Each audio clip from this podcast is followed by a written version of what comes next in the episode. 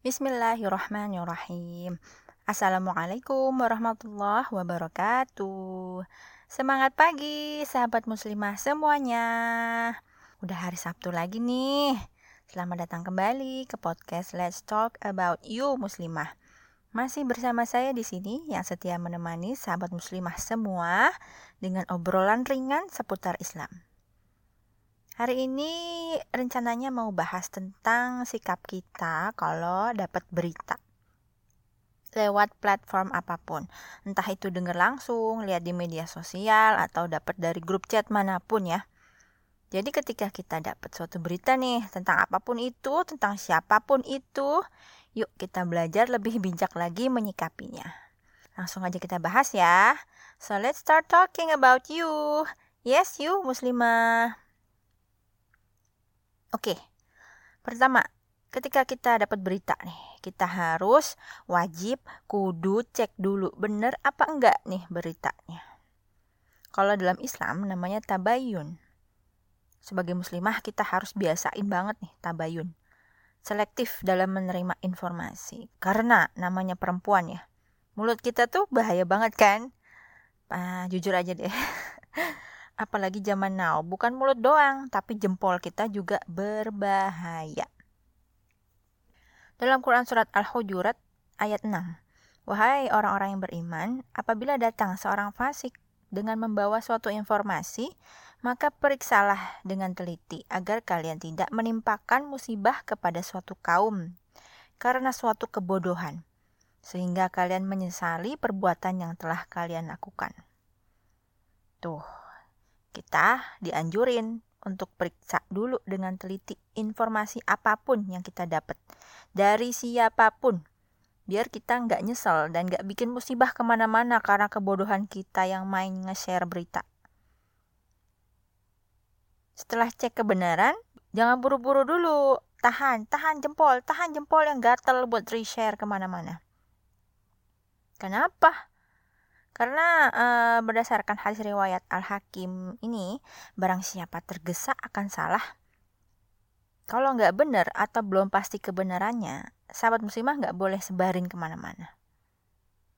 Karena itu berarti termasuk hoax atau fitnah. Udah tahu kan fitnah itu lebih kejam daripada pembunuhan ya. Begitu juga kalau belum pasti benar karena sumbernya meragukan isi beritanya nggak masuk akal dan spekulatif. Jangan disebarin juga. Karena berdasarkan hadis riwayat Tirmizi, barang siapa diam akan selamat. Nah, kalau kita udah pastiin ke sumbernya langsung nih, dan ternyata berita itu benar, kita harus pikir lagi. Kira-kira kalau kita reshare berita itu bermanfaat atau enggak? Nah, kalau kita rasa nggak ada manfaatnya, cuman nambah-nambahin sensasi ya, atau berpotensi memicu keresahan dan mengundang gibah, atau cuma biar dibilang ikutin tren gitu ya, sebaiknya jangan disebarin. Karena cukup seseorang dinilai berbohong dengan mengatakan setiap yang ia dengar. Itu hadis riwayat Muslim. Dan Barang siapa beriman kepada Allah dan hari akhir, katakanlah kebaikan atau diamlah. Itu hadis riwayat Bukhari dan Muslim. Kalau misalkan kita rasa itu bermanfaat ya, maka silahkan diri share. Sahabat muslimah harus ingat, a tongue has no bones, but it is strong enough to break a heart. Maknyos, lidah tuh nggak punya tulang katanya. Tapi itu cukup kuat buat mematahkan sebuah hati asyik. Kalau zaman now bisa ditambahin, bukan cuman mulutmu harimaumu aja, tapi jempolmu juga harimaumu. Hati-hati makanya ya sama jempolnya. Berita hoax yang kita sebar ke mana-mana nih bisa punya dampak buruk. Sebuah studi yang dilakukan para psikolog, mereka sepakat kalau berita hoax itu bisa punya dampak buruk ke kesehatan mental. Contohnya post trauma stress syndrome atau PTSD ya. E, terus menimbulkan kecemasan, kesepian, sampai kekerasan. Ya lihat aja um, dampak nyatanya yang terjadi di Korea Selatan ya. Banyak artis-artis yang berita-beritanya luar biasa ya. dampaknya ada yang um, bunuh diri ada yang trauma dan itu nyata Orang yang terpapar berita hoax juga bisa butuh terapi karena efeknya bisa berlangsung dalam jangka panjang. Psikolog juga meyakini kalau berita hoax itu dimunculkan ya, untuk memanipulasi banyak orang karena bisa memanfaatkan kelompok orang yang takut dan mengambil keuntungan dari ketakutan itu. Ya Allah, jahat banget ya. Tapi ya begitu media sekarang seperti itu faktanya ya.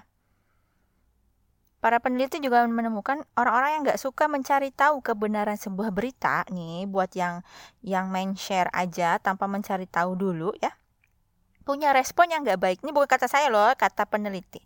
Ketika dihadapkan dengan informasi menyesatkan dalam situasi stres.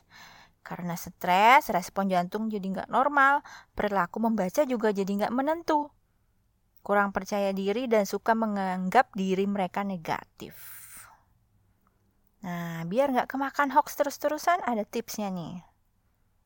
Satu, bersikap skeptis dan kritis. Nah, tahu nggak bedanya skeptis sama kritis? Skeptis tuh kayak mirip-mirip kritis sih, cuma skeptis tuh benar-benar negatif thinking lah gitu. Apa iya benar? Apa iya benar gitu. Kalau kritis kita menanggapi sesuatu itu uh, dengan banyak pertanyaan. Yang kedua belajar menilai kabar. Ini benar apa enggak? Kalau di logi, logika ini benar enggak sih gitu kira-kira. Yang ketiga, periksa waktu penerbitan informasi. Karena banyak media media ya yang mengulang berita yang udah zaman dulu banget. Terus akhirnya nyampe deh tuh di grup WhatsApp kita. Eh, lihat nih, lihat nih. Ini bener gak sih beritanya? Eh, ternyata pas pas ditelusuri oleh mesin pencari, ya akhirnya dapat itu udah berita dari 10 tahun yang lalu. Nah hati-hati makanya kalau nyebarin berita ya.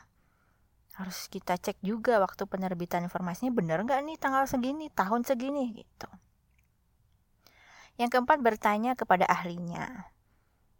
Apakah misalkan tentang agama ya kita tanya kepada ustadz. Apakah tentang kesehatan mental ya kita tanya kepada psikolog dan psikiater kalau misalnya tentang ekonomi, kita tanya kepada ekonom atau akuntan gitu.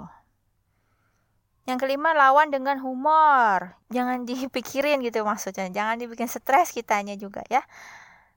Um, harus apa ya? Hidup tuh santai tapi serius. Gimana ya? Jangan dianggap serius semua gitu maksudnya.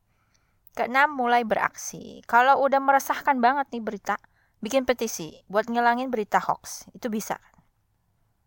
Oke, segitu aja deh kira-kira um, sikap kita ketika mendapat sebuah berita. Mudah-mudahan bermanfaat ya, sahabat muslimah. Semoga kita bisa lebih bijak lagi dalam menanggapi sebuah informasi atau berita dari mana pun dan dari siapa pun. Kesalahan datangnya pasti dari saya pribadi. Mohon maaf lahir batin ya. Terima kasih sudah mendengarkan podcast saya hari ini. Sampai jumpa Sabtu depan insya Allah. Assalamualaikum warahmatullahi wabarakatuh.